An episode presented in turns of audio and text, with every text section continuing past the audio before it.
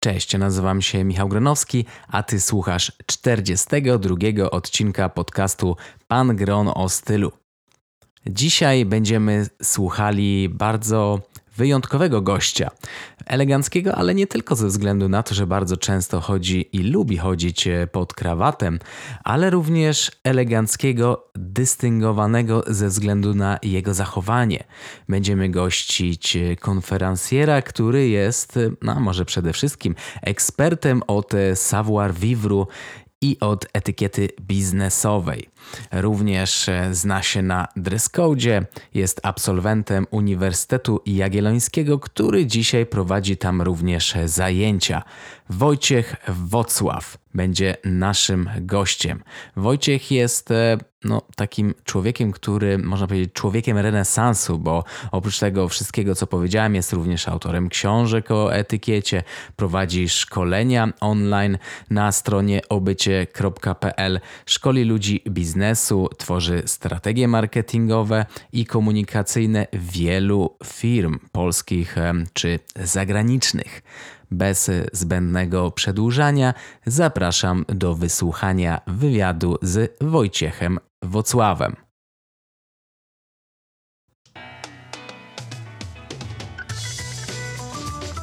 Pan Grono o stylu.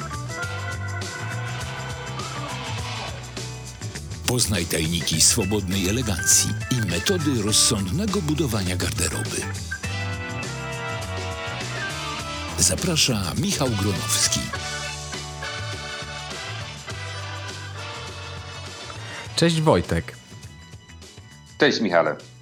E, powiedz mi, ty wieloma rzeczami się e, zajmujesz. Zajmujesz się savoir vivre, dress codem, ale jak w ogóle zaczęła się e, twoja przygoda właśnie z tą całą etykietą? To dość nietypowe wśród młodych ludzi z mniejszych miast, a ty zacząłeś już, jak czytałem, kiedy miałeś 7 lat. Trafiła do ciebie pierwsza książka o etykiecie. To, to rzeczywiście, jak dzisiaj ktoś czyta, nie wiem, w mojej notce o tym, czym się zajmuje, albo ja sam myślę o tym, czym się mhm. zajmuje, no to, to, to, to rzeczywiście y, powstaje takie wrażenie, że tego jest dużo, ale ja y, tak sobie myślę, że, że to jest wynik takiego naturalnego pączkowania. Mhm. po prostu sprawy się naturalnie tak rozwijały. Wszystko się zaczęło rzeczywiście gdzieś tam w szkole podstawowej jeszcze. Y, wtedy teraz nie pamiętam, czy, czy ja sam siebie tak wymyśliłem, czy może y, nauczyciele y, wkładali mnie w taką rolę, ale w każdym razie wtedy występowałem na różnych szkolnych uroczystościach właśnie w roli prowadzącego. Pamiętam Aha, to dość wcześnie ta konferencjerka się zaczęła. Tak, Absolutnie, absolutnie. To była chyba, nie wiem, czy czwarta klasa szkoły podstawowej. W każdym razie jakoś było tak, że zbliżał się Dzień Nauczyciela i y, pani od matematyki przyszła do nas do klasy i zaczęła tam dzielić różne zadania pomiędzy uczniów. I mówi tam do moich kolegów i koleżanek, ty będziesz śpiewać, ty recytować wiersz, ty tańczyć, a do mnie mówi, a ty będziesz konferencjerem. A ja mówię, a kim jest ten konferencjer? No i ona mi wytłumaczyła, prawda, że, że to ten ktoś, kto prowadzi to wszystko. No i tak się to zaczęło. I potem pierwszy raz się w tej roli potem pojawiłem, drugi, trzeci, kolejny. Poszedłem do następnej szkoły i tam już się przedstawiłem e, w tej roli. To znaczy mówiłem, że prowadzę te różne wydarzenia, więc tam mnie obsadzano mm, w takiej roli właśnie. Co, nie miałeś stresu jak w czwartej klasie podstawówki byłeś na Dniu Nauczyciela przed tyloma osobami, które będą ja cię oceniać? Takie, ja mam czasem takie wrażenie, że właśnie obsadzenie człowieka w jakiejś roli w tak wczesnym wieku, kiedy on jeszcze nie myśli o pewnych konsekwencjach, nie ma tej wyobraźni tak rozbuchany jak dorośli ludzie, którzy wiedzą, co mogą stracić często, albo którzy mają głowę pełną takich scenariuszy ewentualnych konsekwencji, które sprawiają, że, że boją się pod, podjąć nowe wyzwania. U dziecka tego nie ma chyba i, i wtedy, wtedy u mnie tego też nie było i mi się wydaje, że ja w taki naturalny sposób zacząłem wchodzić w ten, w ten świat powiedzmy wystąpień publicznych. Pomagało mi też to, że e, wtedy w tamtym wieku zostałem ministrantem e, i, i, i lektorem nawet w kościele, więc to wychodzenie na przykład i czytanie jakichś czytań mhm. przed, przed tą publicznością co tydzień w niedzielę, lokalną, prawda, składającą się z kilkuset osób, no to też było jakieś takie pierwsze ćwiczenie rzeczywiście. No i gdzieś tam w tamtym czasie, mm, tak jak wspomniałeś o tym, w domu znalazłem taką książkę o savoir-vivre przy stole. Do dzisiaj zresztą tę książkę mam. I, I, strasznie mnie ta, ta książka zaintrygowała i zainteresowała, bo ona opowiada o tym, jak wyglądają stoły na eleganckich przyjęciach, w restauracjach, jak je się trudne dania. No, to oczywiście był świat w jakiejś mierze mi wtedy niedostępny. No właśnie, dokładnie. Ale to nie, nie zastanawiałeś się, że chciałbyś właśnie widzieć siebie w takim świecie i dlatego za to Absolutnie. Ja, zresztą muszę powiedzieć, ja wierzę w coś takiego, że w, nie wiem, w, w, każdym z nas jest chyba coś takiego jak taki, nie wiem, taki zew albo taki głos, który gdzieś tam nas woła um, i przywołuje do tego, co, co, co, co, co jest nasze. Nie, jakoś to się czuje, takie rzeczy od, od, od zawsze. To tak jak ty zajmujesz się na przykład tą, tą klasyką męskiej elegancji, czy, czy, czy elegancją i, i no, no, i też kiedyś się kiedyś się to w tobie zaczęło, nie? no tak, to już dosyć wcześnie. Zawsze chciałem być jakoś um, inaczej ubrany. No właśnie, to, to, to, też, to, też, jest chyba tak z tym światem. I pamiętam, że mnie zawsze te rzeczy y, związane z, ze stołem czy z eleganckim zachowaniem y, i, i z eleganckim stylem bycia interesowały, bo y, uwielbiałem pić kawę czy herbatę z filiżanki. To, mhm. był taki, to była taka pierwsza rzecz, taki pierwszy, pierwszy element, który mnie który był dla mnie przepustką do jakiegoś takiego innego świata. Nie? To, że byłem dzieckiem i wychowywałem się w latach 90., to mogłem e, pić albo z kubka, albo z filiżanki. Mhm. Wybierałem na przykład te filiżanki. że, że jak chodziłem na przykład na jakieś rodzinne uroczystości, na, na urodziny do moich wujków, cioć, kogoś tam, to ja ubierałem na przykład garnitur i, i, i krawat. No i to okay, a, a jak, przepraszam, że ci przerwę, a jak twoi rówieśnicy do tego podchodzili? Ja myślę, że no, no, myślę, że, że, że, że, ja byłem zawsze takim y, czy odmieńcem, czy, czy, czy to dobre słowo, no kimś, kto tam reprezentuje coś innego niż inni. O, może ma jakieś tam mm -hmm. swoje takie indywidualne pasje, nie? To, to, to, to z jednej strony, to z jednej strony zawsze rodzi jakiś taki mm, nie wiem, czy rozdźwięk, czy trudniej się dopasować. Z no strony, jest ja się takim trochę dziwakiem. Ja mogę powiedzieć po sobie, jak ja zaczynałem ćwiczyć i przynosiłem swoje pudełka z jedzeniem do szkoły i nawet miałem przyzwolenie na jedzenie czasami e, w trakcie niektórych lekcji w liceum. Mhm. To na początku nazywali mnie dziwakiem, a później pytali się, jak zrobić, żeby zbudować e, większą łapę, klatkę, czy schudnąć. Mhm, mhm, czy to u siebie też tak było?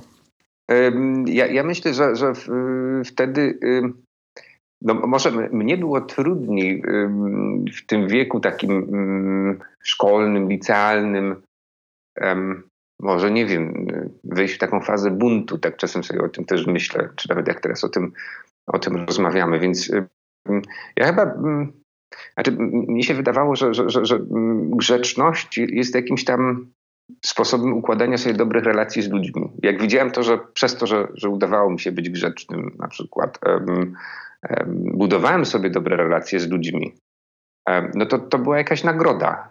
Nie? I tak my, my trochę ludzie działamy na zasadzie takich nagród i kary, tak się uczymy. I mnie się to wydawało, mnie się to wydawało cenne.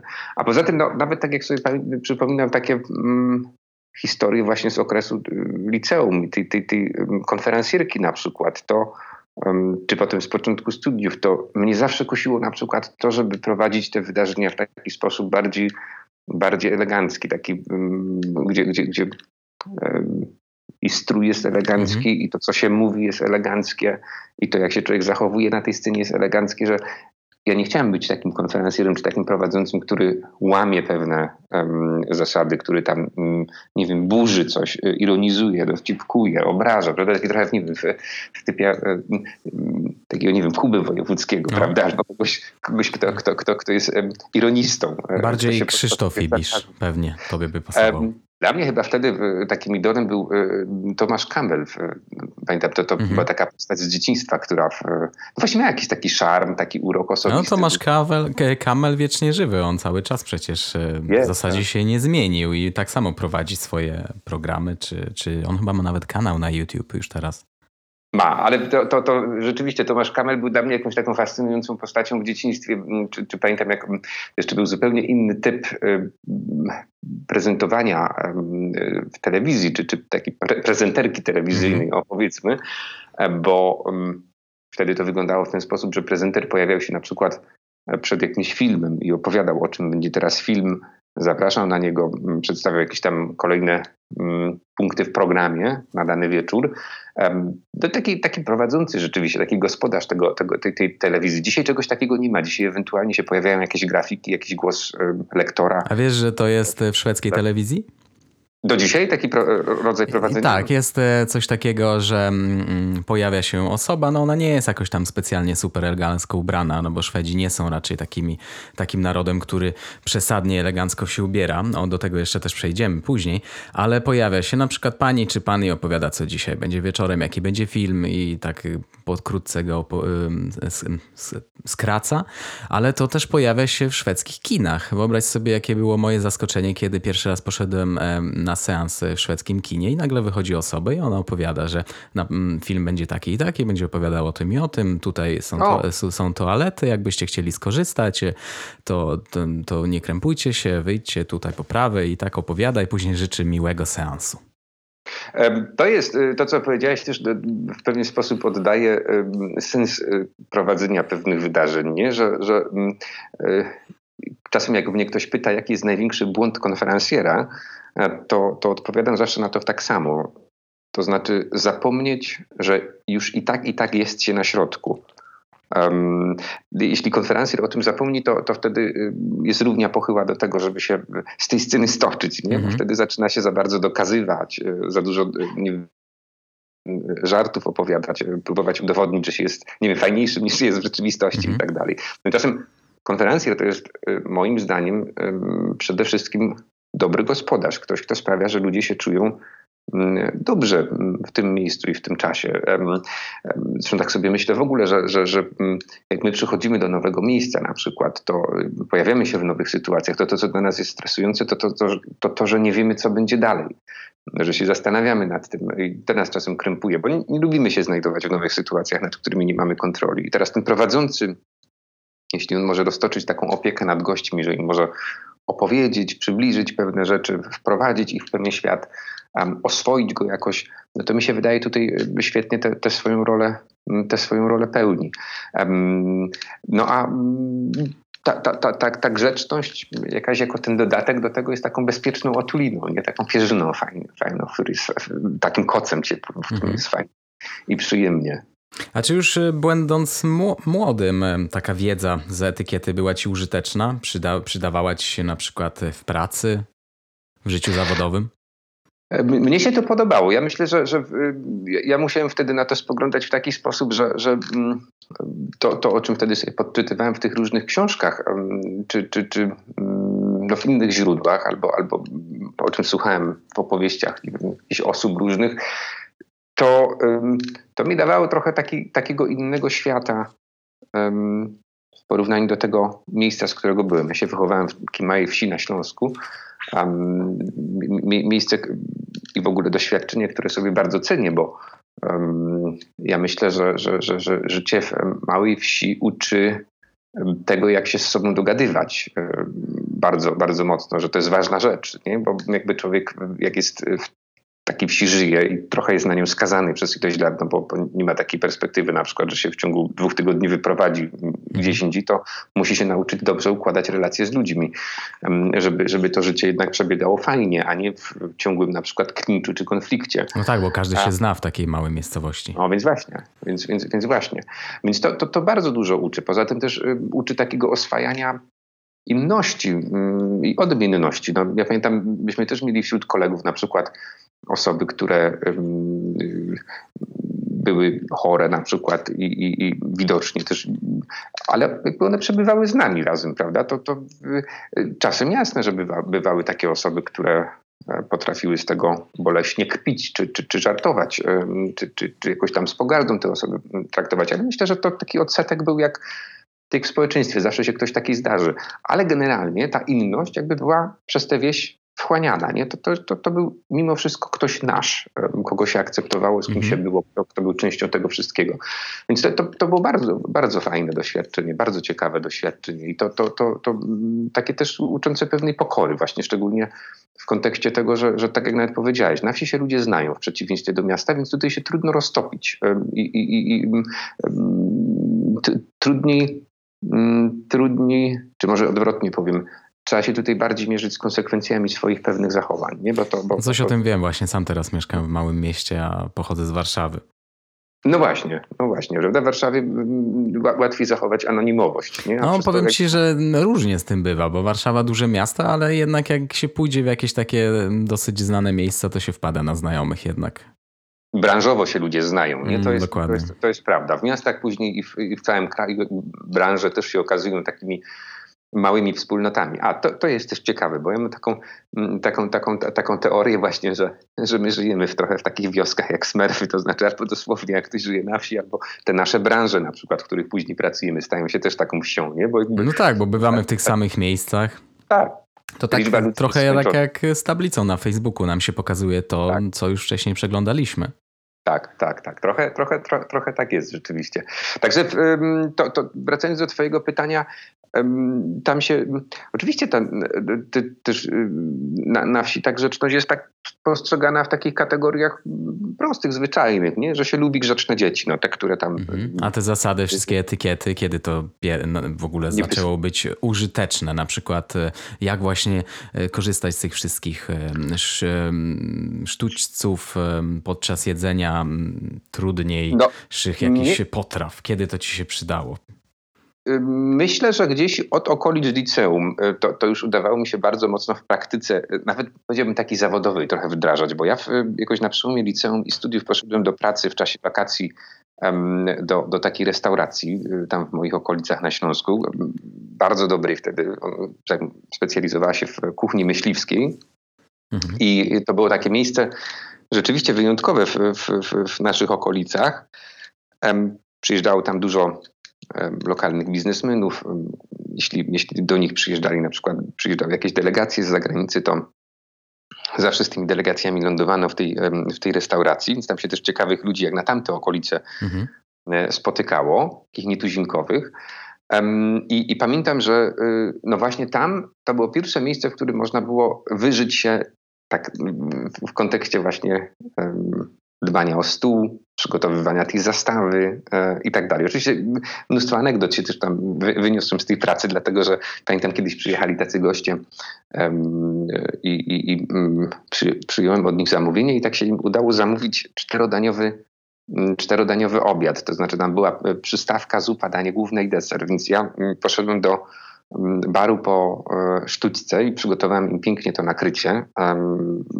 Także tam były właśnie sztućce do przystawki, do zupy, do dania głównego, do deseru, e, kieliszki do wina, do, do wody i tak dalej. Odebrałem od nich zamówienie, jak chodzi o napoje.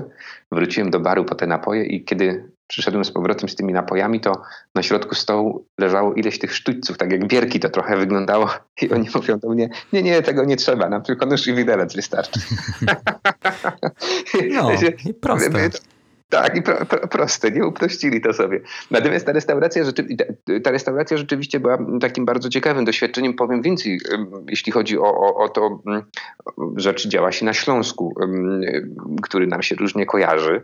No i proszę sobie wyobrazić, czy, czy, czy wyobraź sobie, że że, że w tej restauracji na przykład serwowaliśmy dania w taki sposób, którego ja potem nie widziałem nigdzie indziej, a o którym później, wiele lat później czytałem w, w wielu książkach do savoir vivre i do etykiety, czyli na przykład jak bywały duże przyjęcia i przy stołach siedziało dużo gości, to mm, kelner przychodził i miał na e, lewym przedramieniu położoną taką wielką plat, e, platerę, czy, czy, czy taką tacę, czy talerz z mięsem. I teraz e, przychodziło się do gościa, wyobrażamy sobie gościa, który siedzi przy stole, przy nakryciu. Podchodzi ten kelner z lewej strony tego gościa od tyłu i mhm. e, pokazuje mu właśnie położony ten cały talerz na, na, na lewym przedramieniu z tymi różnymi mięsami i mówi do niego, na które ten gość ma ochotę. No i gość tam mówi na przykład, no to poproszę stek z jelenia. No i nakłada się temu komuś tę pieczeń z jelenia, czy tam z dzika na talerz prawą, prawą ręką. Czyli to jest taki serwis szczypcami, tak się to, to, tak się to mówi, kiedy nie kładzimy półmisków z jedzeniem na stole, gdzie każdy sobie sam nakłada, ani nie serwujemy wyporcjowanych dań mhm. gościom, tylko przychodzi kelner do każdego gościa z osobna, prezentuje mu różne rodzaje tych mięs czy dodatków i nakłada mu przy nim z tego, z tego talerza. Nie? Więc jakby to, to było takie ciekawe. No rzadko Potem... już teraz spotykane. Ja się z tym nie spotkałem. Raczej tylko e, sam kiedyś pracowałem w takiej eleganckiej restauracji mhm. włoskiej, gdzie się przynosiło e, kraby czy raki i, i klient wybierał, którego sobie życzy. A, przed gotowaniem. Dokładnie. Tak, tak, tak, tak, tak, tak, tak. W każdym razie to, to, to mm, jakby fajne były takie doświadczenia, bo, bo, bo pozwalały rzeczywiście w tej restauracji dużo tych mm, rzeczy, o których się czytało, czy które mnie interesowało, zastosować w praktyce.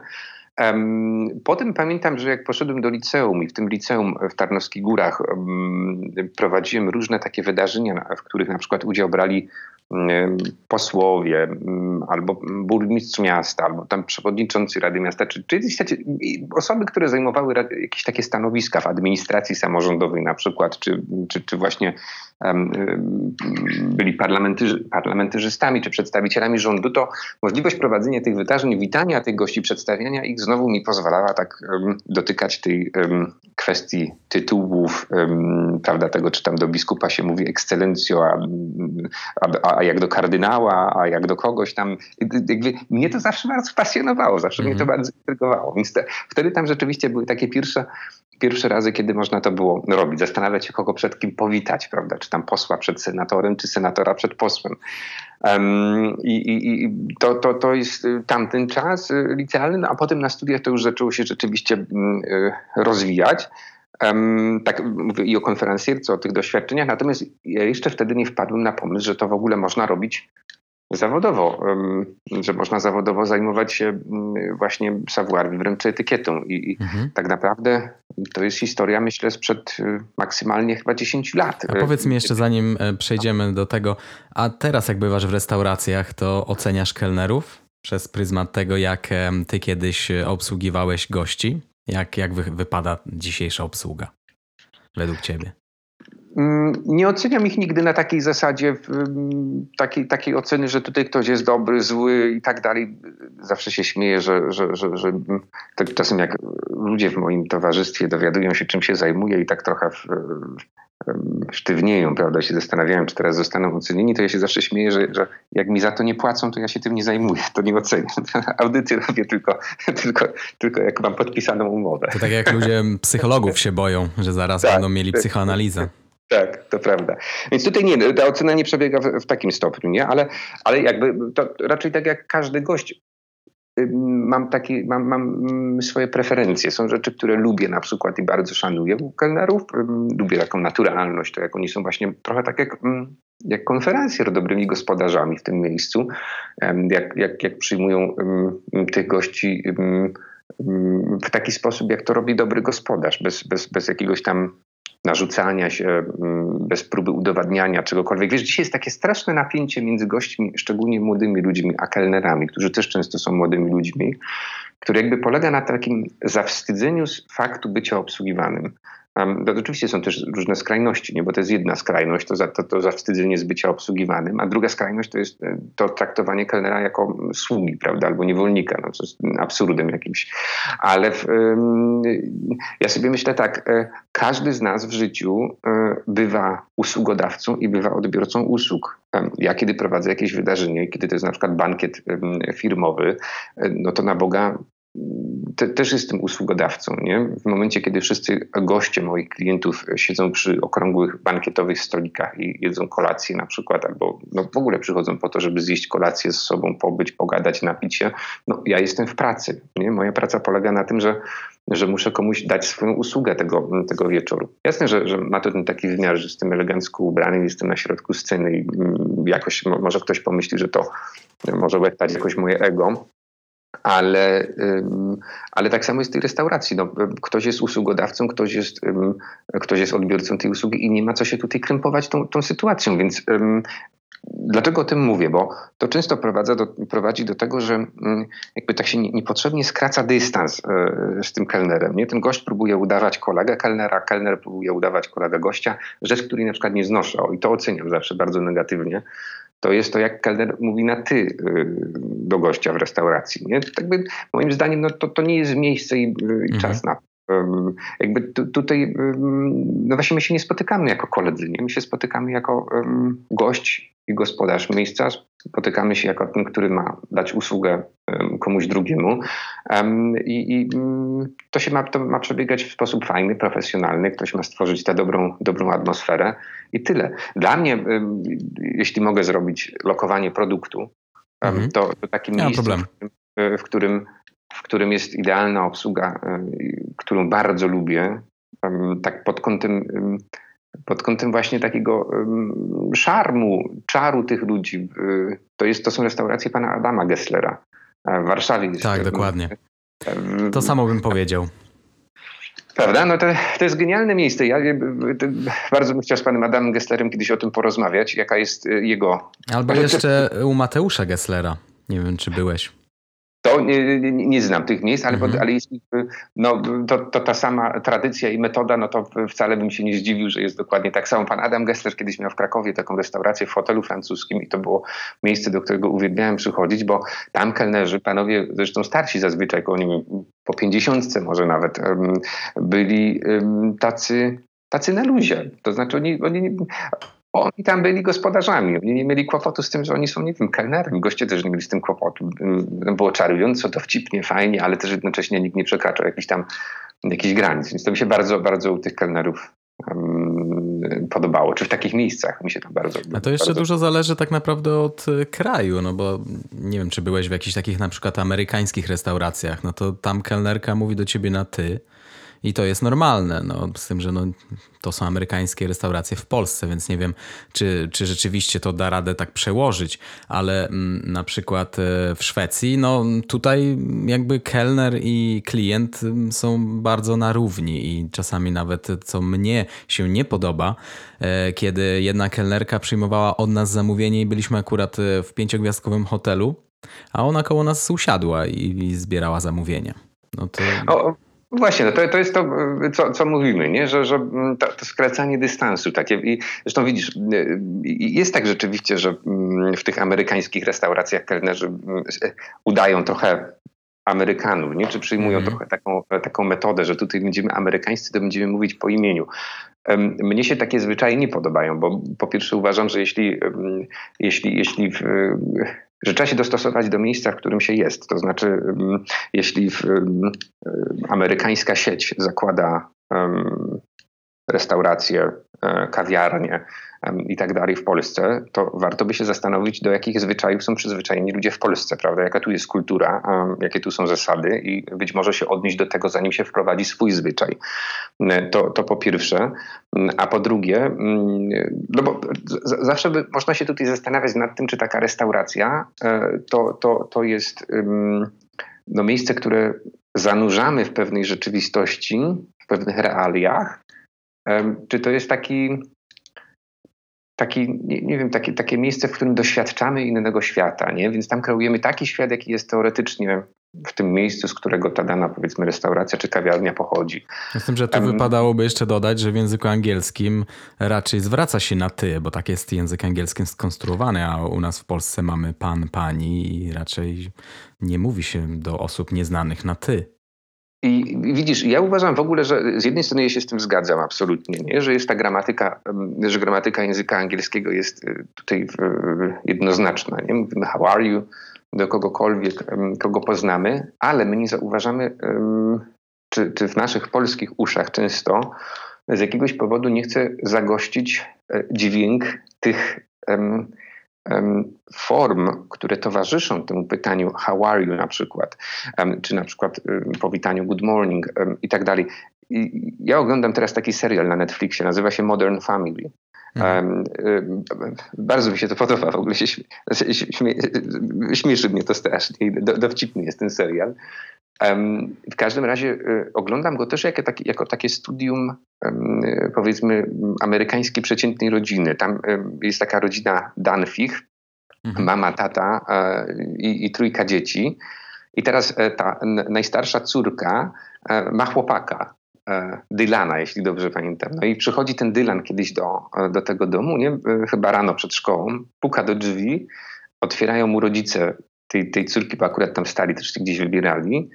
I on mówi do nich: Good morning, Mr. and Mrs. Dunphy.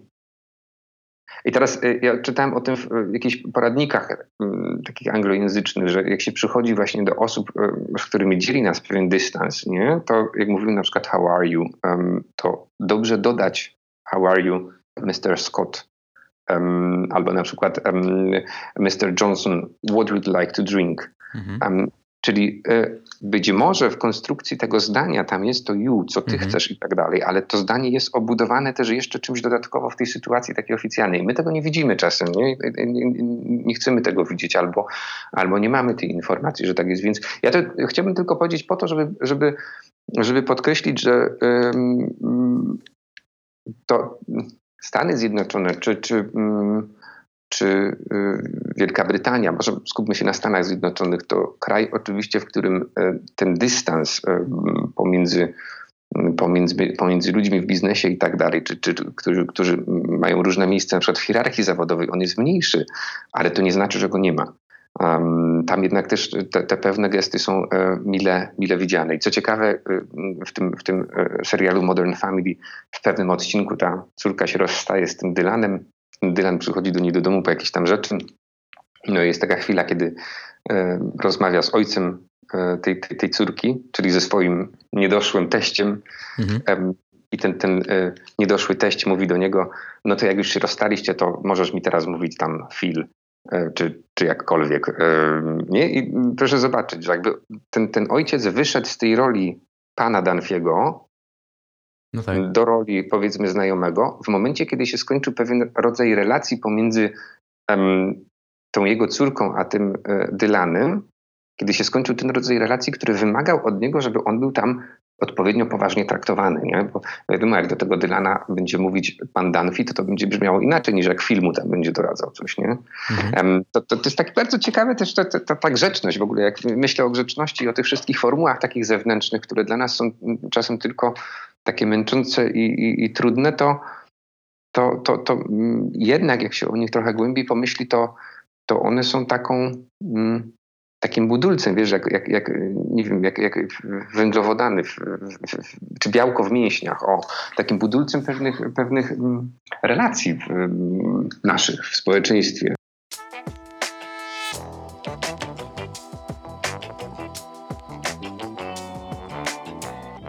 A właśnie, a czy myślisz, że w nowoczesnym świecie jest jeszcze miejsce na, na właśnie takie zasady? No, codzienność raczej staje się bardziej nieformalna i tu nie chodzi tylko o ubiór, ale niektóre z tych zasad wydają się e, czasami nawet archaiczne.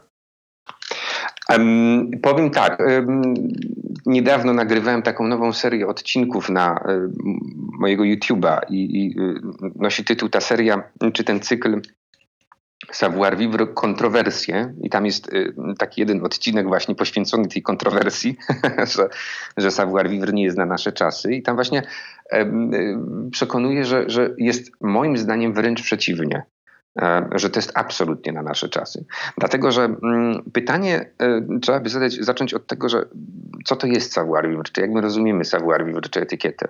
Jak, mm, jak my e, rozumiemy savoir vivre, czy etykietę przez pryzmat takich starych zwyczajów, że na przykład na daną okazję to się trzeba ubrać tylko tak i tak, że w danym miejscu to się trzeba i w danej sytuacji zachować tylko tak i tak, no to to nam się może wydawać trochę mm, niepasujące do naszych czasów, czy, mm, czy uciążliwe. No tak, bo wiele z tych sytuacji już w ogóle nie ma miejsca. Nie ma miejsca, nie zmieniło się. Ale jeśli my pomyślimy sobie w ten sposób, kiedyś ludzie pisali listy piórem po papierze, nie? potem pisali maszyną, a dzisiaj my piszemy mailem. Co się zmieniło w tej sytuacji? Czy, czy, czy y, zmieniło się tylko nasze narzędzie, którego używamy do pisania listu i ewentualnie ten materiał, po którym piszemy, y, prawda? Czy tam, nie wiem, pióro, maszyna, komputer, papier, albo ewentualnie no, bez papieru, tylko mamy um, wiadomość elektroniczną.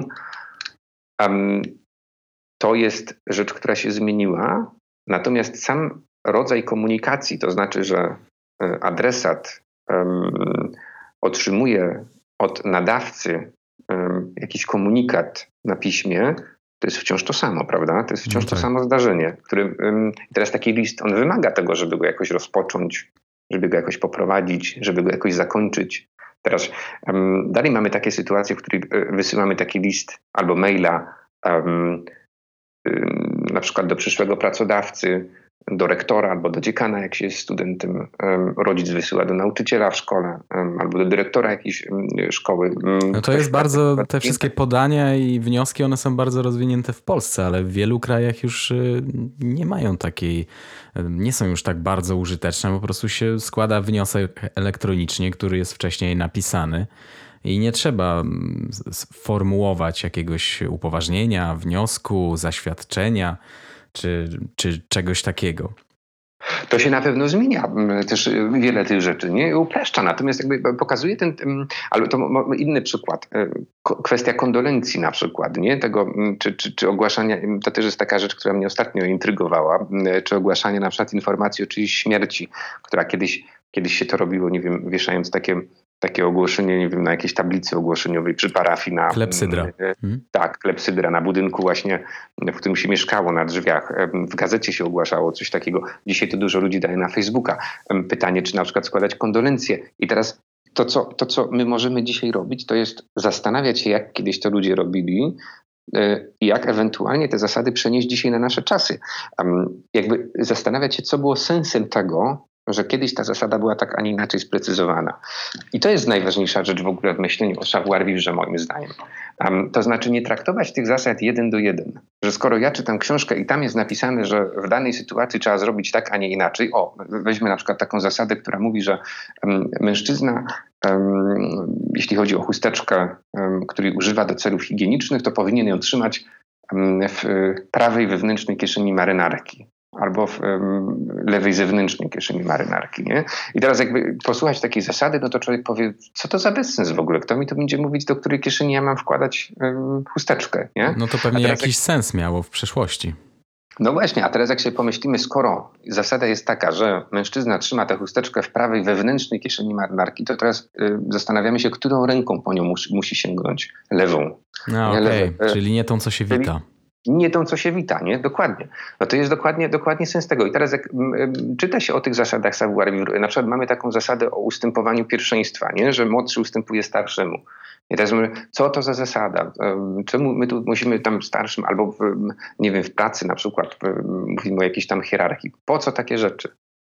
No, więc ja sobie myślę, młodszy ustępuje starszemu po to, bo ten młodszy kiedyś też będzie starszym, nie za 50 lat. Um, więc jeśli będziemy dbali o, mm, o, taką zasadę, to jak ten młodszy, kiedy już będzie starszym za 50 lat, e, będzie trochę słabszy w tym tramwaju albo w tym autobusie, to będzie mógł liczyć na to, że ktoś mu też zejdzie, nie? że ktoś wpadnie na, to, na ten pomysł, bo będzie um, uczony tej pewnej empatii od początków um, w ten sposób. Jest, zresztą ja, ja, tak sobie myślę, że jak poznałem ten świat zasad właśnie savoir-vivre czy etykiety, że to, to jest naprawdę taki rodzaj psychologii przed, przed tym, zanim psychologia się rozwinęła w takiej skali, jak, jak myśmy, jak, jak to jest dzisiaj. To znaczy, to, to, to jest pewien rodzaj obserwacji. No, ludzie się zawsze obserwowali, jak się zachowują, jak to ich zachowanie na siebie nawzajem wpływa.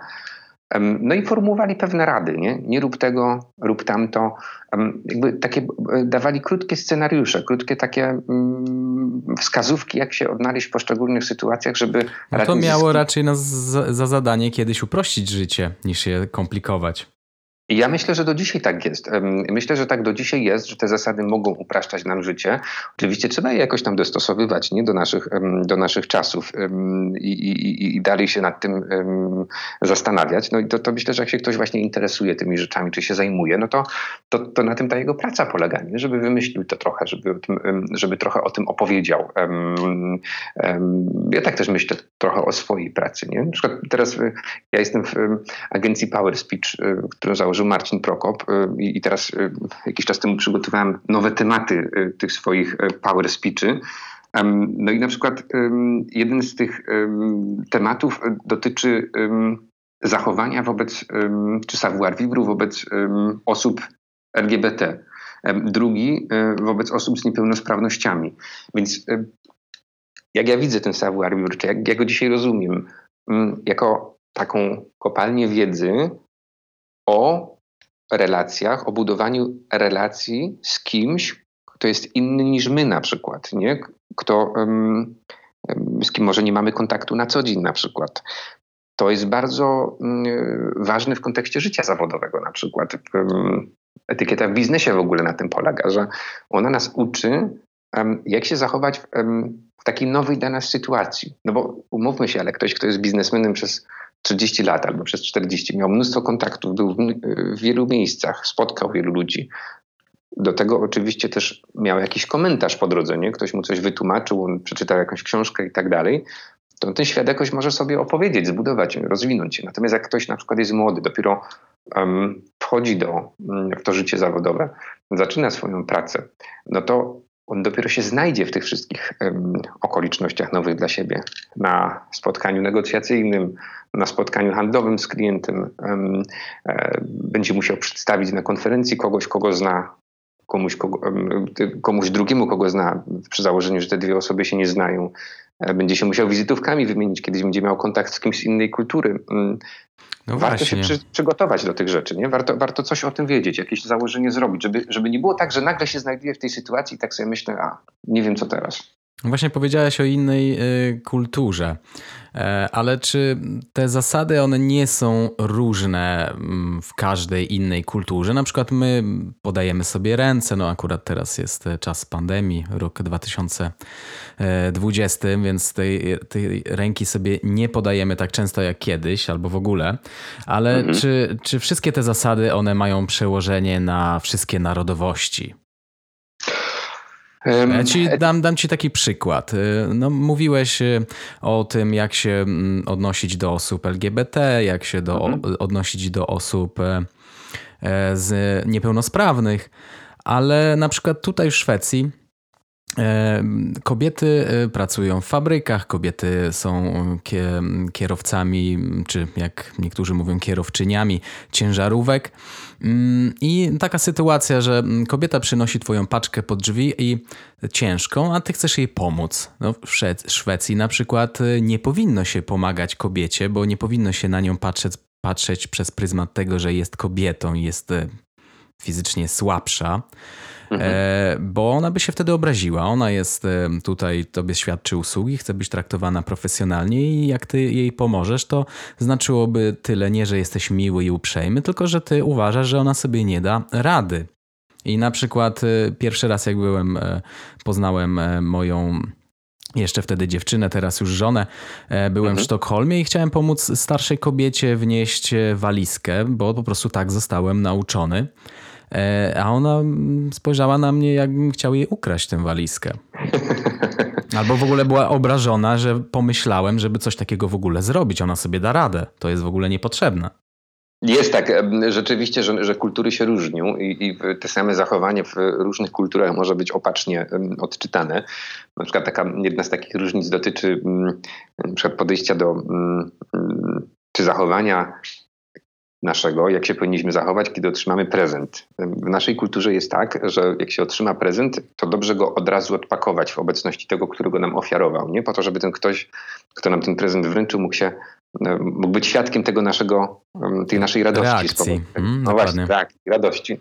Natomiast w krajach azjatyckich jest zupełnie odwrotnie. To znaczy, jak się dostanie prezent, to ewentualnie można jakby się tym prezentem zaintrygować, to dobrze zrobić, nie? zaciekawić, co tam jest w środku, może potrząsnąć takim pudełkiem, jakby wzbudzić taką swoją, swoją ciekawość, ale odłożyć go y, i pokazać w ten sposób, że jakby mamy cierpliwość, czy my potrafimy tutaj nad swoimi emocjami panować. To jest w ogóle no, w tamtych kulturach rzecz Tak, oni są powściągliwi. Właśnie, ta powściągliwość. Więc tak trochę mówię o tym cieszeniu się tym otrzymanym prezentem, ale to pewno w tamtej kulturze w ramach pewnych, pewnych granic. Nie? Natomiast odpakowujemy ten prezent dopiero po tym, jak gość wyjdzie. Mm, to ma jeszcze jedno uzasadnienie. Mm, w kulturach azjatyckich bardzo ważną rzeczą jest taka kategoria twarzy i tego, czy my mm, zachowujemy twarz w relacjach publicznych, czy my ją tracimy. No, utrata twarzy jest, e, jest straszną perspektywą, okrutną. I teraz gdyby, gdyby ten obdarowany nie ucieszył się tym prezentem, który otworzył w obecności tego, który mu go wręczył, no to, to, to ten ofiarodawca no, straci twarz, bo no go może tak, źle wybrać. Mhm. Właśnie. E, poza tym ten, który otwierałby ten prezent miałby jakieś duże wyzwanie takie, żeby tutaj odegrać to jakoś aktorsko. Więc dlatego właśnie jest ta, ta zasada, która mówi o tym, że dopiero się prezent odpakowuje później. Więc trochę tak jest. I, i teraz tak, jak się oczywiście robi biznes z kimś z innej kultury, to to zawsze się warto dowiedzieć czegoś na temat, na temat kultury tego kraju, z którym biznes robimy. W życiu zawodowym to przełożenie jest proste, prawda? To znaczy ten, który ma interes e, do kogoś, ten, który jest w tym stosunku zależnym od kogoś, zawsze powinien odrobić te lekcje, nie dostosować się, poznać pewne zasady, przystosować się do tego, jak się, jak się w danym kraju ludzie zachowują. I, i, i, i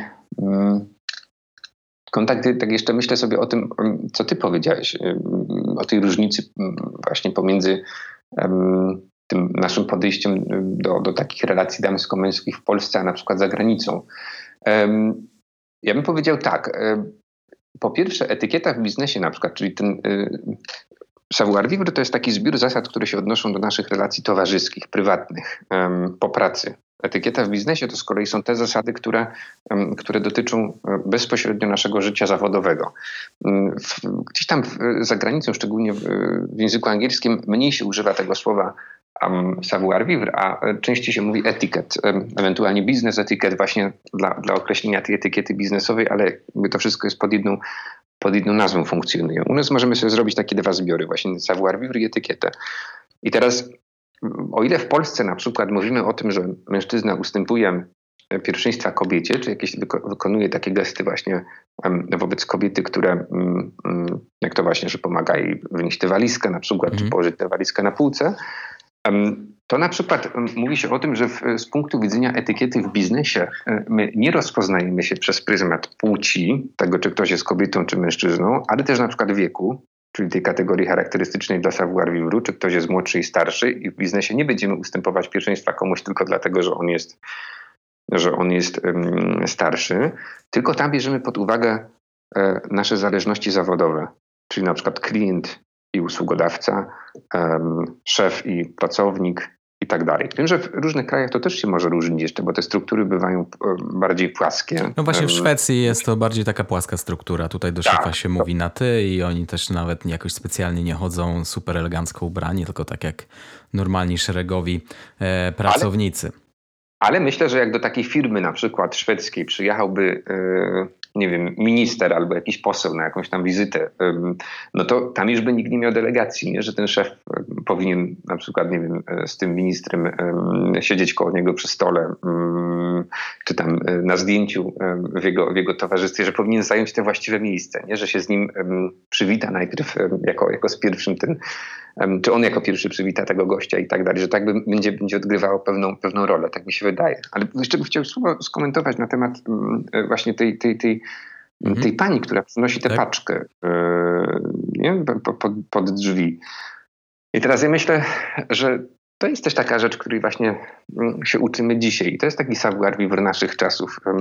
Savoir vivre naszych czasów to jest, to jest dzisiaj to nazywamy często komunikacją, komunikacją bez przemocy, e, asertywnością. E, to, to, to, to są te oblicza savoir vivre dzisiaj, które trzeba rozwijać. I teraz wyobrażamy sobie tę sytuację, przychodzi ta pani z tą paczką i mówimy jej, pomogę pani, a możemy jej powiedzieć, e, czy mogę pani pomóc, albo czy potrzebuje pani pomocy, nie? Widzimy różnicę mhm. między tymi dwoma rzeczami, że w tym pierwszym zdaniu jest założenie, nie? Ja pomogę pani, bo ja uważam, że ja mam więcej sił, albo ja sobie z tym lepiej e, poradzę, nie? Mhm. A w drugiej, z drugiej strony jest pytanie, czy potrzebuje Pani pomocy, nie? Czy mogę Pani um, pomóc? To są takie niuanse. Myślę, że z jednej strony, e, nawet w Polsce, jak się myśli rzeczywiście o relacjach damsko-męskich, to się też tego warto, warto nauczyć, żeby zauważyć, gdzie nasz język, którym się posługujemy na co dzień, którym rozmawiamy z sobą, gdzie on pokazuje, że my mamy pewne ukryte założenia. Um, nie? Um, nawet z tą walizką, nie? Wniosę pani walizkę. A na przykład, y, czy chciałaby pani, żebym pani pomógł, nie? Czy mogę pani pomóc? pomóc? Jakby, y, y, tak mówiąc najogólniej, ludzie lubią być sprawcami pewnych rzeczy. Ludzie potrzebują takiego poczucia sprawstwa, nie? Że, że jakby, i to o tym warto rzeczywiście w takiej komunikacji może też pamiętać, że, że, że mm, jakby mm, dobrze tak się z kimś komunikować, żeby ten ktoś miał takie wrażenie, że nikt mu niczego na głowę nie wrzuca, tylko że to on sam podjął te decyzje. Nie? No i że jest potrzebny, użyteczny. Tak, tak, absolutnie, absolutnie. Tylko, że ja bym tutaj powiedział też, mam taki wykład yy, właśnie a propos a propos power speechów, co wkurza kobiety i czego nie mają na myśli mężczyźni.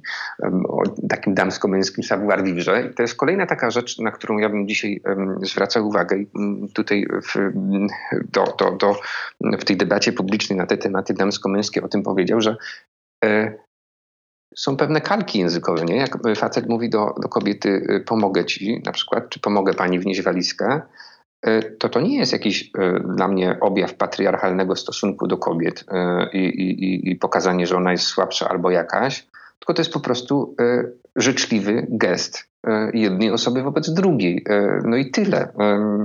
Ja się też nie chcę za tym, e, wiesz, niczego więcej dopatrywać, bo, bo, bo tak sobie pomyślę, jeśli my się zaczniemy dopatrywać za, za, za tego typu gestami, że ja wchodząc do pociągu mówię do, do, do kobiety, czy mogę pani, czy pomóc pani wnieść walizkę, albo nie wiem, otworzę drzwi przed kobietą, jeśli my się zaczniemy dopatrywać w tym objawów tego, że ja chcę wysłać kobiety, nie wiem, do, do, do, do, do, do, kuchni, do garnków, do wychowywania dzieci i tak dalej, no to tak mam wrażenie, że nam się trochę rozkruszy to, to, to rozkruszą nam się te relacje nie? między nami. Ja jestem przekonany, że my musimy się dopatrywać w relacjach między sobą e, i, i, i, w sobie przede wszystkim też tej wzajemnej życzliwości, tego, że chcemy, mhm. chcemy dbać o siebie nawzajem, że chcemy, e, chcemy żeby sprawiać, żeby nam się dobrze ze sobą, ze sobą żyło, nie? I to, to, to jakby warto to zauważyć, nie? To, to, takie trochę różowe okulary czasem sobie na nos na, nałożyć, ale one są potrzebne, mi się wydaje. No tak, ale z założenia każdy właśnie chce być raczej miły i dobry. No tak, i to, i to, i to trzeba w sobie odkrywać i pielęgnować, nie? a, a nie, nie, tam się dopatrywać, że, że jakiś gest to jest coś tam. Nie, to, to, ja nie znam chyba ani jednego przykładu, gdzie, gdzie, gdzie w moim otoczeniu przynajmniej, nie? tak jak znam, w którym takie, takie gesty by miały mm, próbować kogoś tam sprowadzić na ziemię, czy, czy, czy mm, może po prostu wynikało to z zaskoczenia, bo w Szwecji raczej nikt e, nie pomaga, mężczyźni tak nie pomagają kobietom mhm. i też młodsi wcale nie ustępują starszym miejsca w, w autobusie. Po prostu tak jest. Tutaj każdy... Ale uważam, że E, uważam, mhm. że dzisiaj absolutnie e, trzeba się słuchać, nie? To znaczy, e, tak jak mówimy o tym, że savoir vivre to jest, savoir vivre to gdyby przetłumaczyć te słowa, to jest sztuka życia, nie? My w każdych czasach potrzebujemy odpowiedzieć sobie na pytanie, jak żyć. Jak żyć dobrze, jak żyć w taki sposób, żeby mieć z tego mm, no więcej endorfin niż, niż, niż po, poczucia um, zawodu i smutku. Jak sobie dobrze układać relacje z innymi ludźmi, mm, o tym jest Savoir Vivre. I teraz um, mamy nowe czasy, to musimy się zastanowić, jak w tych nowych czasach to, to, to, to ułożyć. Um, ja no taki... właśnie, nowe czasy.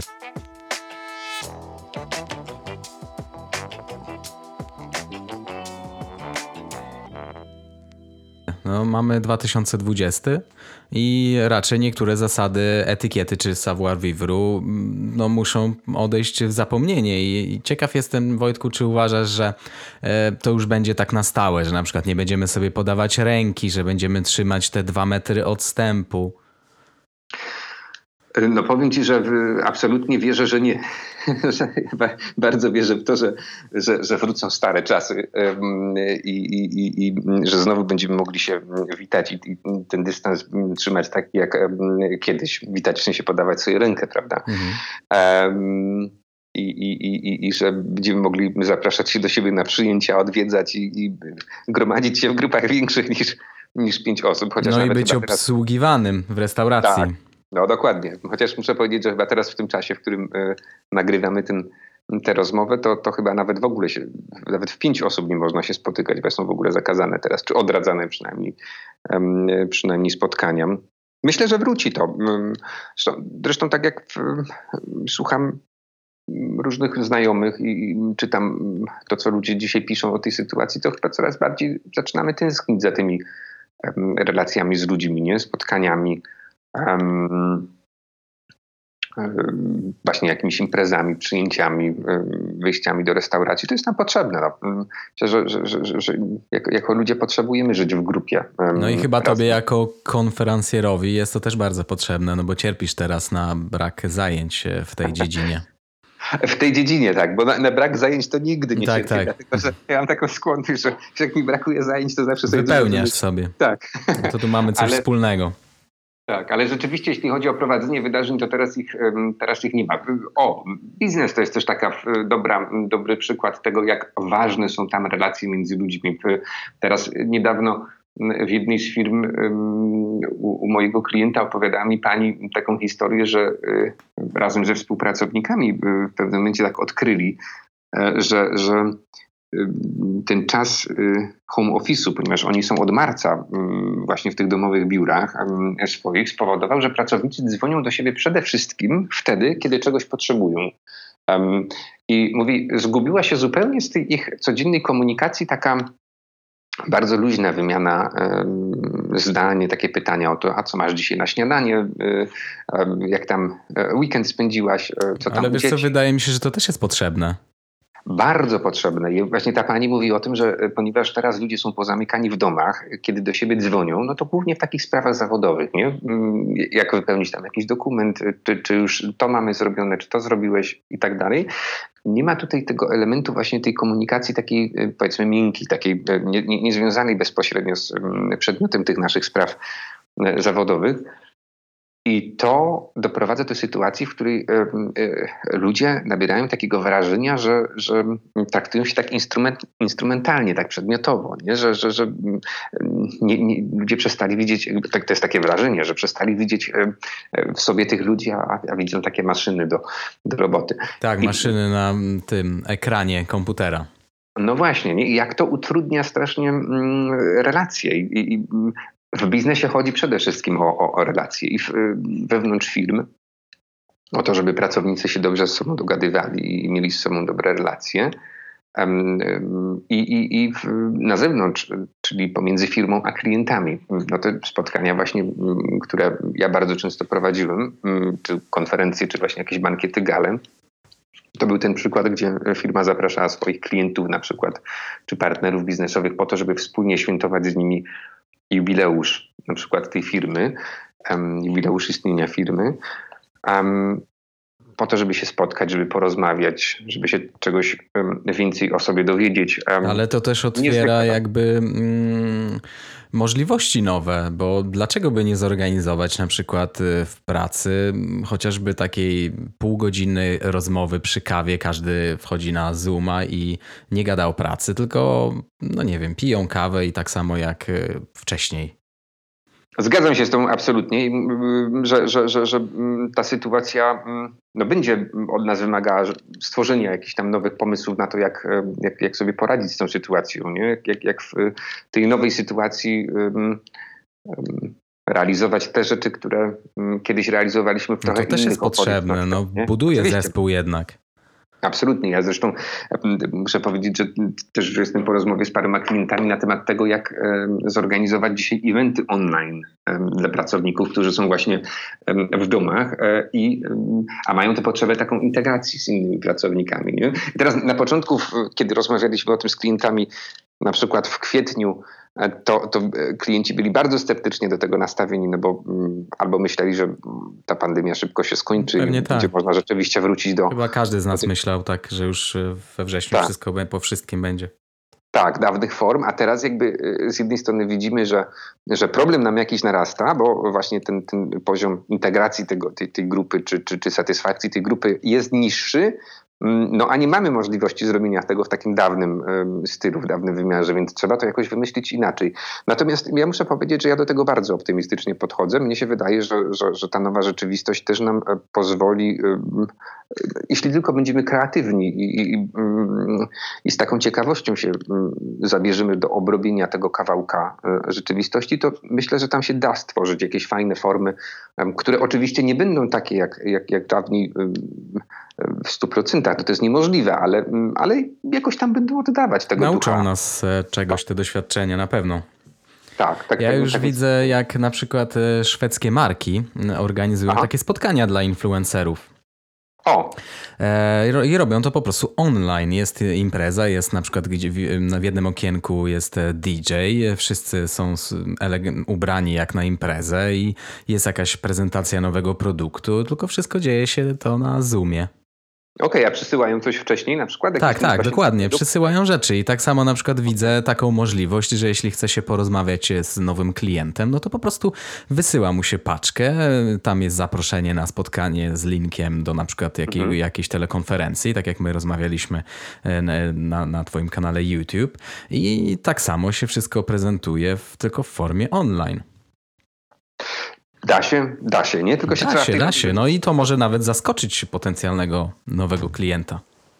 Ja myślę, że ja nagrałem taki na, na, swoim YouTubie taki cykl w marcu chyba jeszcze, w, jak nie zwariować na kwarantannie, savoir vivre w czasach kwarantanny. I tam dużo też opowiadałem o takich doświadczeniach swoich, które mam od lat, czyli pracy właśnie z domu. Ponieważ ja przez lata miałem tę możliwość i pracy w biurze, i wybierania tej opcji właśnie pracy z domu. I, i tam mówimy o paru takich rzeczach, które, y, które są bardzo ważne, o których trzeba pamiętać i których trzeba pilnować, kiedy się właśnie człowiek znalazł w tej nowej rzeczywistości tego domowego domowego biura. Więc tutaj z jednej strony y, musi być jakaś taka higiena psychiczna zapewniona, a z drugiej strony, a z drugiej strony jakieś też nasza taka otwartość jest potrzebna na to, co nowe, żeby się nie obrażać na to tak do końca, tylko jakoś też próbować z tego coś wyciągnąć. Nie? I, i pamiętam w tej pierwszej kwarantannie myśmy parę razy z moimi znajomymi na przykład umawiali się na e, wieczór właśnie na Skype'ie i po, po, po, każdej stronie widziałem, że ktoś tam ma, nie wiem, lampkę wina na przykład, czy czego, co lubi i siedzieliśmy każdy u siebie w domu no ale jednocześnie trochę to miało taki wymiar spotkania. Ja nawet zawsze ubierałem marynarkę, żeby jakoś mi było inaczej. tym, no tak, pamiętam. nawet na tym naszej rozmowie na YouTubie w domu. Tak, to, to prawda. Do rozmów na YouTubie mam trochę takie podejście, wiesz, że to jest taki mój świat na zewnątrz, nie? Że, że jakby ja nadaję z domu, ale to jest jakby taka przestrzeń mm, no tak, to jest twoja która... profesjonalna przestrzeń. Jesteś tak, tam zawodowo. To, to, to prawda, to prawda. No ale odpowiadając na twoje pytanie, to, to mm, a tęsknię za tym starym światem i chciałbym, żeby, żeby ten stary świat wrócił, ale z taką nadzieją, że my będziemy nowi w tym starym, nowym świecie. W sensie nowi w takim znaczeniu, że, że może ten, ten czas teraz właśnie takiej tego koronawirusa pozwoli nam bardzo dużo rzeczy przemyśleć. Może też przewartościować pewnych rzeczy, nie odpowiedzieć sobie na pytanie. No i zatęsknić to, co straciliśmy, czyli właśnie tak. możliwość spotykania. Ja ci powiem, że akurat w Szwecji, no akurat tak bardzo nie cierpię z powodu koronawirusa, bo tu mamy zupełnie inną strategię, ale jak patrzę, co się dzieje teraz w Polsce, to no, współczuję. Ja jako mm, trener personalny, którym byłem jeszcze w Polsce, no teraz y, musiałbym szukać jakiejś innej możliwości, żeby y, kontynuować swoją pracę. No właśnie, bo teraz mm, działalność siłowni jest niemożliwa. Nie? W zasadzie od dzisiaj w Polsce weszły do takie, takie nowe restrykcje. Mm, ale są które... furtki na to też. Tak, to, to prawda. To, to, Ale to, to też już zaraz pozamykają, dlatego widzę, że dużo moich znajomych trenerów po prostu otwiera swoje studia fitness.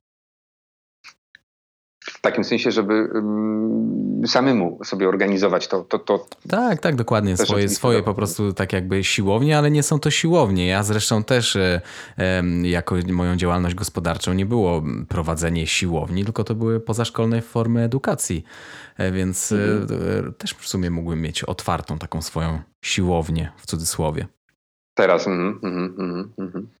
A powiedz mi, czy są, y, Wojtku, jakieś takie zasady, które już w ogóle no, nie mają, jakby nie ma potrzeby, żeby je utrzymywać y, w dzisiejszych czasach? Coś ci przychodzi takiego do głowy, co już y, niektórzy starają się jeszcze podtrzymywać, ale to zupełnie nie ma sensu? No, myślę, że, że może inaczej powiem.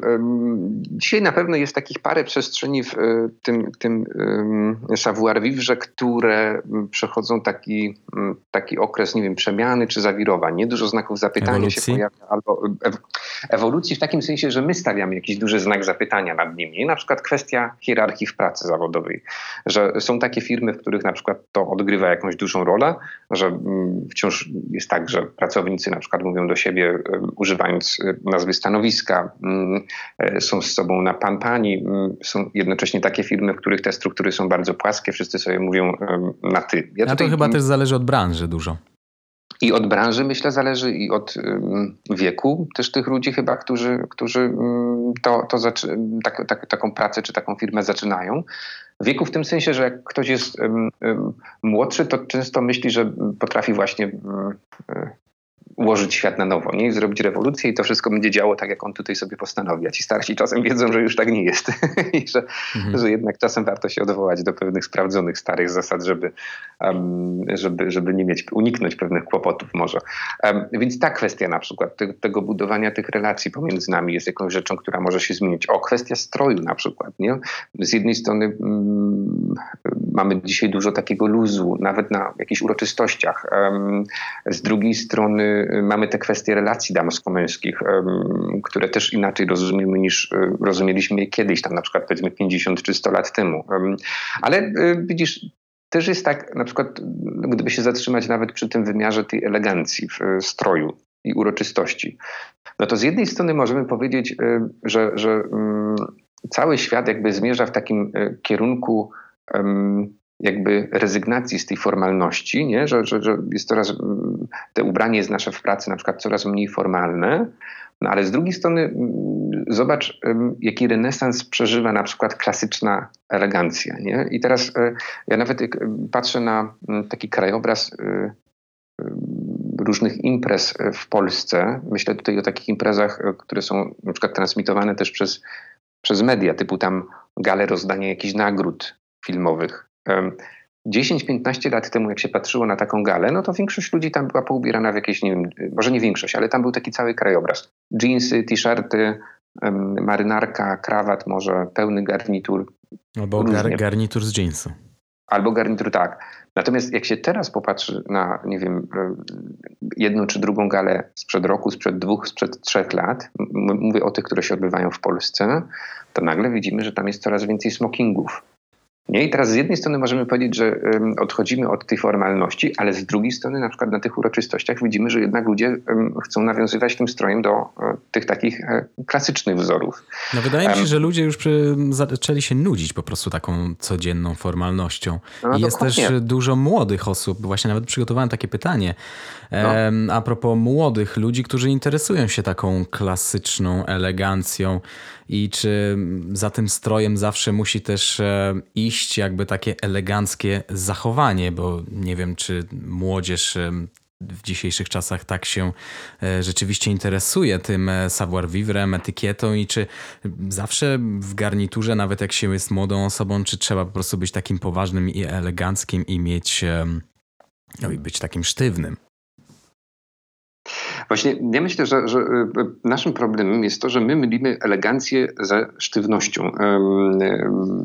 Że, że, że elegancja to znaczy, że człowiek już w ogóle jest w jakimś takim gorsecie, w takim kołnierzu ortopedycznym, który go usztywnia, i nie pozwala mu wykonać żadnego ruchu. No, niektóre, gar, niektóre garnitury akurat tak są szyte. nie będę tu rzucał różnymi markami. To, to prawda, ale to, ale to wtedy te, nie nosimy takich garniturów, omijamy te sklepy z i rezygnujemy. Natomiast myślę, że, że mm, to jest na przykład w kontekście słowa powaga. Nie? Ludzie y, myślą też, unikają nie wiem, tego bycia poważnym, czy boją się bycia poważnym, a tymczasem otworzyłem słownik. Powaga to jest zrównoważony, opanowany sposób bycia, zachowania się. Co tu jest, co tu jest um, takiego podejrzanego, nie? zrównoważony? Jak myślę sobie, nawet my dzisiaj um, interesujemy się tak jako, jako um, społeczeństwo, na przykład medytacją, jogą, jakimiś takimi metodami uważności, które próbujemy, których próbujemy odszukać gdzieś tam na, na Dalekim Wschodzie. To, to, tam chodzi o równowagę, nie? A teraz mamy słowo powaga, zrównoważony, opanowany sposób bycia. No to, to, ja myślę czasem, że i muszę powiedzieć, że w, ja w tych zasadach savoir vivre czy, czy, czy, czy etykiety odnajduję właśnie takie podpowiedzi, jak żyć w sposób harmonijny jak, jak dobrze balansować życie. Bo savoir vivre czy etykieta to nie jest e, recepta na bycie starym dziadem, ani na, na bycie nudziarzem. No wydaje mi się, że niektórzy, niektóre młode osoby, które interesują się taką klasyczną modą męską, właśnie myślą, że muszą być e, tacy super poważni. No to, to jest to na pewno jakiś taki jeden z błędów, nie? które się najczę naj, można najczęściej popełnić, jak się w ten świat wchodzi. Bo, bo, bo Przesadza się wtedy, dokładnie. Tak. Tak, a tutaj nie chodzi o to, żeby y, tracić jakiś swój luz, swój szarm, tylko y, żeby y, umieć sobie wyznaczyć granice sobie i innym. Zresztą mówi się o tym, że takt, na przykład taktowne zachowanie, to jest taka mm, umiejętność właśnie balansowania na pewnej granicy, nie przekraczania tej granicy. Nie? Więc na przykład jak pomyślimy o jak pomyślimy o, o, o opowiadaniu dowcipów na przykład, nie? To, to możemy opowiadać takie dowcipy, które będą przekraczać pewne granice i wiem, ranić innych um, i, i, tylko części się będą wydawać śmieszne, a możemy, opo- a, a, możemy opowiadać takie dowcipy, które będą jednocześnie przezabawne, które będą um, śmieszyć wszystkich, a nie, nie, będą przekraczać tej granicy, nie? czyli będą taktowne. I, i, I tych dwóch rzeczy bym z sobą, z sobą nie mylił. To znaczy no to tego. Tak tego... samo właśnie z samym savoir vivre i etykietą też nie należy przesadzać i się jakby trzymać w 100% do tego, tylko być elastycznym i dostosowywać się do sytuacji, do Przede czasu. To jest ta główna zasada. Nie dostosuj się do sytuacji. Jak, jak um, jedzie się um, w góry na wycieczkę, no to się tam we fraku nie chodzi, nie? Ale z kolei jak się idzie na jakąś fajna, fajn, fajną uroczystość wieczorną, czy w ogóle jak idziemy do kogoś na uroczystość, do kogoś na ślub, no to dobrze nie iść w dżinsach i w butach na wycieczki w góry, nie? Bo, bo, bo to jest jednak inne wydarzenie i warto to, warto to też podkreślić. Ja myślę, że, że, że to są dwie inne rzeczy. Właśnie ta savoir vivre czy etykieta, a nuda i, i, i, taka dziadkowość. Zbyt, dziadkowość, zbytnia taka, zbytnia taka powaga. Y, znowu powiedziałbym może tak, że y, savoir vivre czy etykieta to ma taki synonim, czy taki zamiennik. Ja zresztą użyłem tego słowa jako nazwy tej mojej platformy, na której proponuję teraz szkolenia właśnie online, e, obycie obycie.pl, tak nazywa się platforma, a samo słowo obycie znaczy umiejętność zachowania się w różnych sytuacjach, nie odnalezienia się w tych różnych sytuacjach. Człowiek obyty to można powiedzieć, to jest ktoś, kto był w różnych sytuacjach i kto wie, jak się w nich zachować, jak się w nich dobrze odnaleźć. I teraz, póki my nie znajdziemy się w tych wszystkich sytuacjach, no to jest przypadek każdego młodego człowieka, no to my możemy o tym na przykład poczytać, nie? dowiedzieć się, na YouTubie filmy zobaczyć, w internecie blogi poczytać na ten temat i dowiedzieć się, jak to, jak to zrobić. Więc wtedy ten savoir vivre czy, czy, czy etykieta zacznie nam trochę funkcjonować jak taki magazyn. Mamy w, w głowie cały duży magazyn. Taki półki. przewodnik trochę. Tak, wypełniony jakimiś tam scenariuszami um, zachowań w różnych sytuacjach, po które możemy dowolnie sięgać. A poza tym y, tam też są odpowiedzi na takie pytania, które nas nurtują czasem na co dzień. No nie wiem, idzie pani do restauracji się zastanawia, gdzie ona ma torebkę położyć, nie? Czy, czy ma położyć ją na stole, czy na, um, przewiesić przez oparcie krzesła, czy, czy, czy może na podłodze, czy gdzieś tam. Więc znowu jest tam gotowa odpowiedź, nie? W każdym poradniku z jakimś tam uzasadnieniem, czemu akurat, mm, czemu akurat tutaj. Inna kwestia, nawet ostatnio o tym gdzieś pisałem, butów, nie? O czym, o, o czym wiemy. No jak się wchodzi do męskiego, do sklepu z męskimi butami i mm, patrzy ktoś na buty, to powie, przecież one wszystkie wyglądają tak samo. Przynajmniej te, które mają sznurówki. I teraz jak, jak, jak tutaj domyślić się, które są bardziej eleganckie, nie? czy na przykład Oxfordy czy Derby, które wybrać do tego garnituru do ślubu. No to w wielu sklepach a, nawet nie mają takiej wiedzy. No dokładnie, nie? To, to, to po pierwsze. A, a po drugie, to po pierwsze, że nie mają takiej wiedzy, a po drugie, dobrze, dobrze ją po prostu mieć, że, że człowiek po prostu w tych pewnych sytuacjach może się, może się odnaleźć. A jeszcze ci powiem jedną rzecz. Y, dzisiaj y, Michał Kędziora, y, Mr. Vintage, dał taki na swoim, na swoim Instastory, dał takie, takie zdjęcie Mercedesa zaparkowanego na środku a, widziałem, widziałem to, tak, tak. To wczoraj chyba to było, na sto, to było wczoraj, dokładnie. Tak, mhm. nie mogłem tego już odnaleźć, ale to Mercedes zaparkowany na środku chodnika. I, i y, to zdjęcie, czy to, to zjawisko właśnie jest też takie bardzo symboliczne, nie? Mm, I no, Michał to komentował w ten sposób, że um, Mr. Vintage komentował to w ten sposób, że cytując tam kogoś, że, że, że po, po, po, poziom jakby tego, tego nieokrzesania na e, niektórych ludzi wzrasta proporcjonalnie, nie wiem, do, do, do, do, ceny samochodu, którym ktoś jeździ. Nie? Czasami takie mamy obserwacje. A to często, często w Warszawie to zauważałem. Ale to też wynika z innej rzeczy. Akurat tamten Mercedes to był taki SUV, więc on był trochę wyższy, ale dużo osób, które ma na przykład sportowe super samochody, parkuje w miejscach, w których nie wolno parkować, na przykład na takich wysepkach za, zakreskowanych, dlatego że mhm. in, inaczej by w ogóle nie mogły podjechać pod krawężnik, żeby zaparkować mhm. w normalny sposób. Mhm, mhm. No ale to jakby ich nie, nie usprawiedliwia w żaden sposób. Wiesz o co chodzi? Tak sobie myślę, że jeszcze a propos naszych czasów i tego pytania, czy savoir vivre jest potrzebny w naszych czasach. Teraz mamy oczywiście czas koronawirusa, który y, jakoś tak uruchamia w nas trochę taki, taki lęk i niepokój, również o, o nie wiem, nasz taki byt i, i, i, zabezpieczenie finansowe, jak to, jak to będzie, prawda, czy, czy, czy będziemy wszyscy mieli pracę, czy nie, ale myślę, że się zgodzimy co do takiego, takiej mojej tezy, że e, jako społeczeństwo w ostatnich latach no, stawaliśmy się jednak bardziej zamożni. Nie? Mogliśmy sobie pozwalać na więcej niż na przykład pokolenie naszych rodziców. 30 albo 40 lat temu. No, to na pewno. I teraz e, wraz z tym, jak my sobie możemy pozwalać na więcej, my musimy wiedzieć, moim zdaniem, jak z tym więcej dobrze się obchodzić.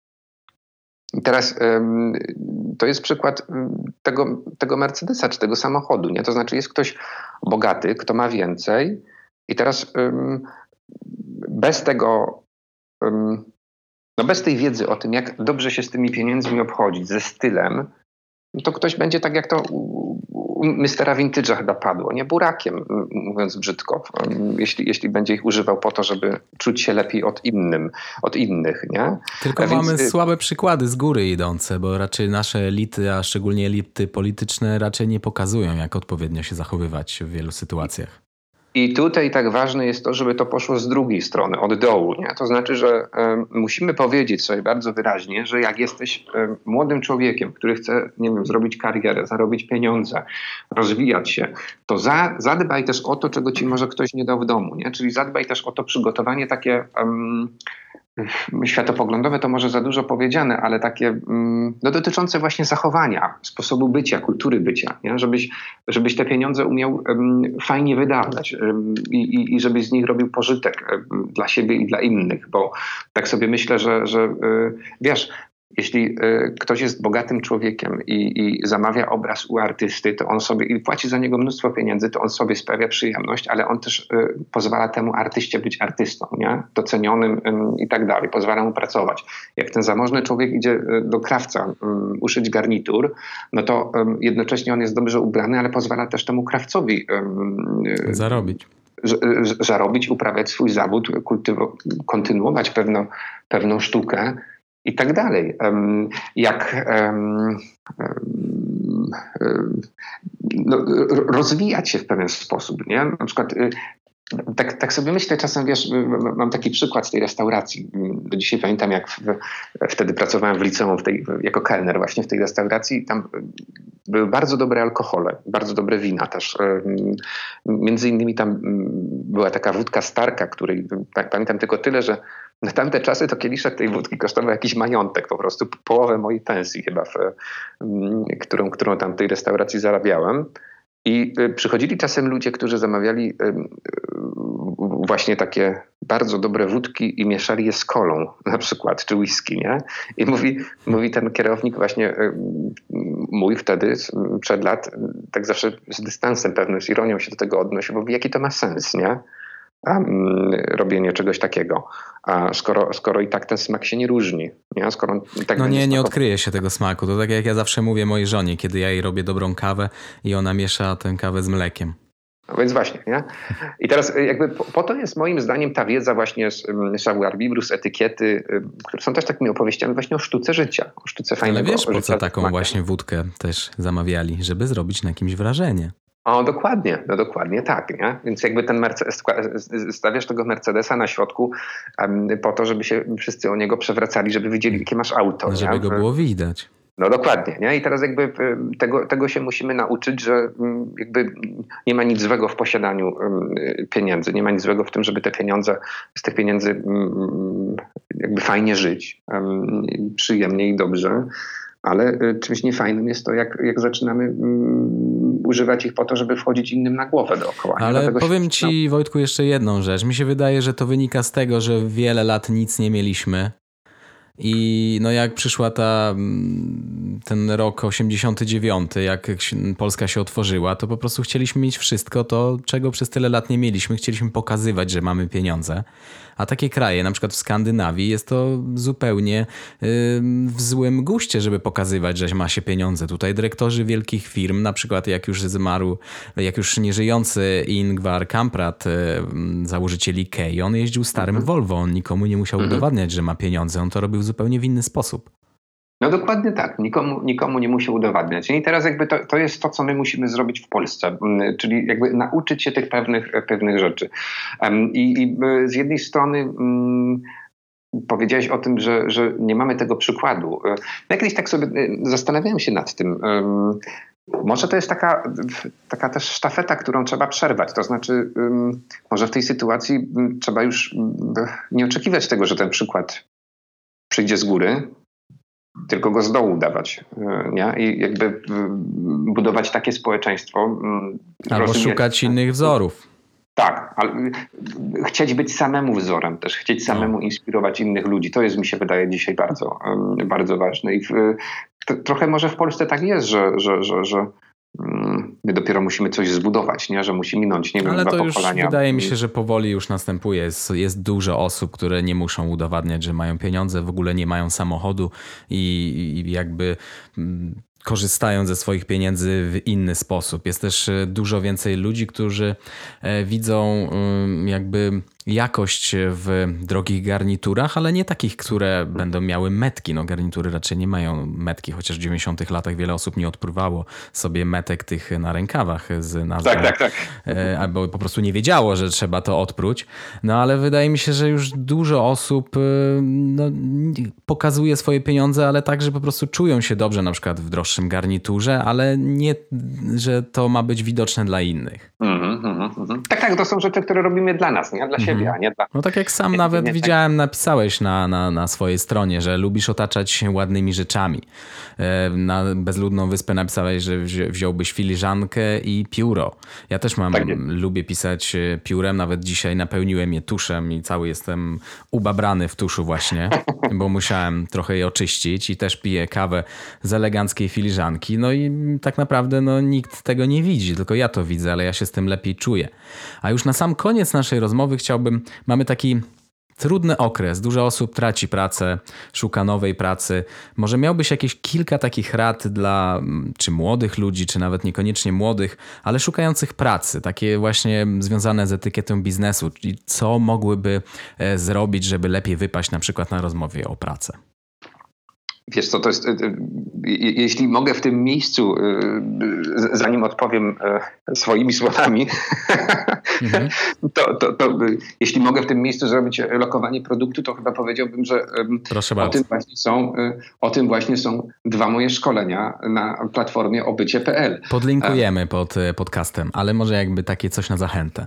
Bardzo mi miło będzie. Y, to, to, są szkolenia, które opowiadają właśnie o tym, jak się przygotować do rozmowy kwalifikacyjnej, a drugie opowiada o tym, jak się y, przygotować i dobrze wypaść w nowej pracy, kiedy idziemy do tej nowej pracy. I tam zwracam uwagę na szereg takich rzeczy, od y, budowania dobrych relacji z naszym przełożonym, ze współpracownikami, z klientami, ale także z podwykonawcami, na przykład, kiedy, kiedy jesteśmy w takiej sytuacji podejścia do własności firmowej, do stroju.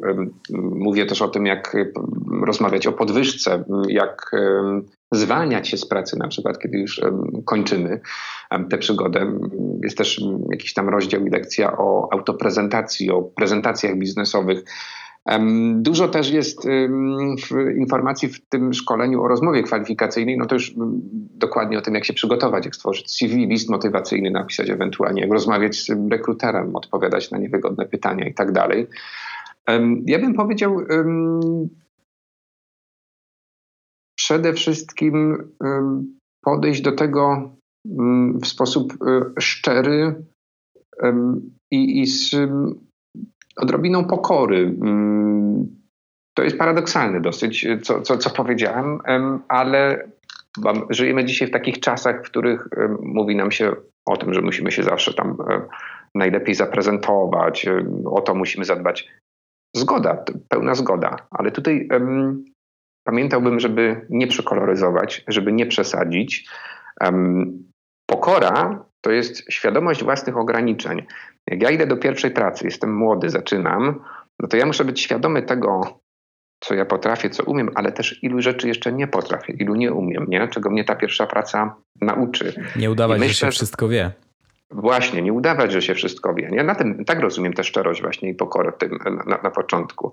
Um, ona nie ma nic wspólnego z tym, um, czy, czy nie wyklucza tego, żeby być um, pewnym siebie, żeby, żeby, żeby opowiedzieć o sobie mm, jak najlepiej potrafimy i dobrze się zaprezentować. To jest podstawa. Ale myślę, że y, pamiętając o tych dwóch rzeczach, y, przedstawimy się pracodawcy jako ludzie, którym warto zaufać. I, i, i na początku tej drogi zawodowej myślę, że warto przyjąć to, to założenie, że idziemy się przede wszystkim uczyć i zdobywać e, wiedzę i doświadczenie że będziemy zarabiać w tej pierwszej pracy pieniądze za obowiązki, które będziemy wykonywać, ale tym naszym zarobkiem będzie nie tylko, nie tylko to, co tam będzie wpływać na nasze konto co miesiąc, ale, ale będzie też to wszystko, czego będziemy się właśnie uczyć, to doświadczenie, którego będziemy zdobywać, które później w następnej, kolejnej pracy za kilka lat będziemy już zamieniać rzeczywiście na na pieniądze, prawda, na większe wynagrodzenia. Tak mówię, żeby uniknąć tego niebezpieczeństwa, mhm. które, które się bardzo często pojawia w takim wieku, to znaczy takich nierealnych oczekiwań. Bardzo często moi klienci, właściciele czy, czy, czy, czy osoby zarządzające dużymi firmami mówią, że że przychodzi ktoś młody, kto nie ma doświadczenia, skończył jakieś studia, ale ma bardzo duże wymagania i, i, takie, których firma nie może, nie może spełnić na początku. Więc tutaj jeśli my to dobrze wyważymy, to myślę, że, że, że otworzymy sobie szansę na to, żeby, żeby mieć fajną pracę i zdobywać fajne doświadczenia i, i, i dać sobie czas. Czas będzie płynąć, my będziemy wiedzieć więcej, będziemy mieli większe doświadczenia i miejmy nadzieję, że szczęśliwie też nasza sytuacja w tym życiu zawodowym będzie się zmieniać na lepsze. No i tym akcentem zakończymy tę rozmowę. Dziękuję Ci Wojtku za te cenne informacje. Tą rozmowę moglibyśmy jeszcze kolejną godzinę prowadzić, bo tak naprawdę mam jeszcze dużo pytań, ale może to jest właśnie, może zostawię to po prostu na jakąś kolejną kolejną naszą rozmowę w przyszłości. A oczywiście podlinkujemy do, do wszystkich tych szkoleń, o których mówiłeś. Ja, ja dziękuję i również tutaj dodam od siebie, że również mam nadzieję, że ten koronawirus już minie i te wszystkie zasady, czy etykiety biznesowe, czy savoir vivre będziemy mogli w 100% stosować. No przynajmniej dostosowane do, do, do sytuacji, czasu i miejsca. Bardzo dziękuję e, za spotkanie i ciekawą, ciekawą rozmowę i za zaproszenie do Twojego podcastu. Wszystkiego dobrego i dla Ciebie, i dla wszystkich słuchaczy, dla wszystkich Państwa. No, dzięki i do usłyszenia. Cześć. Do usłyszenia.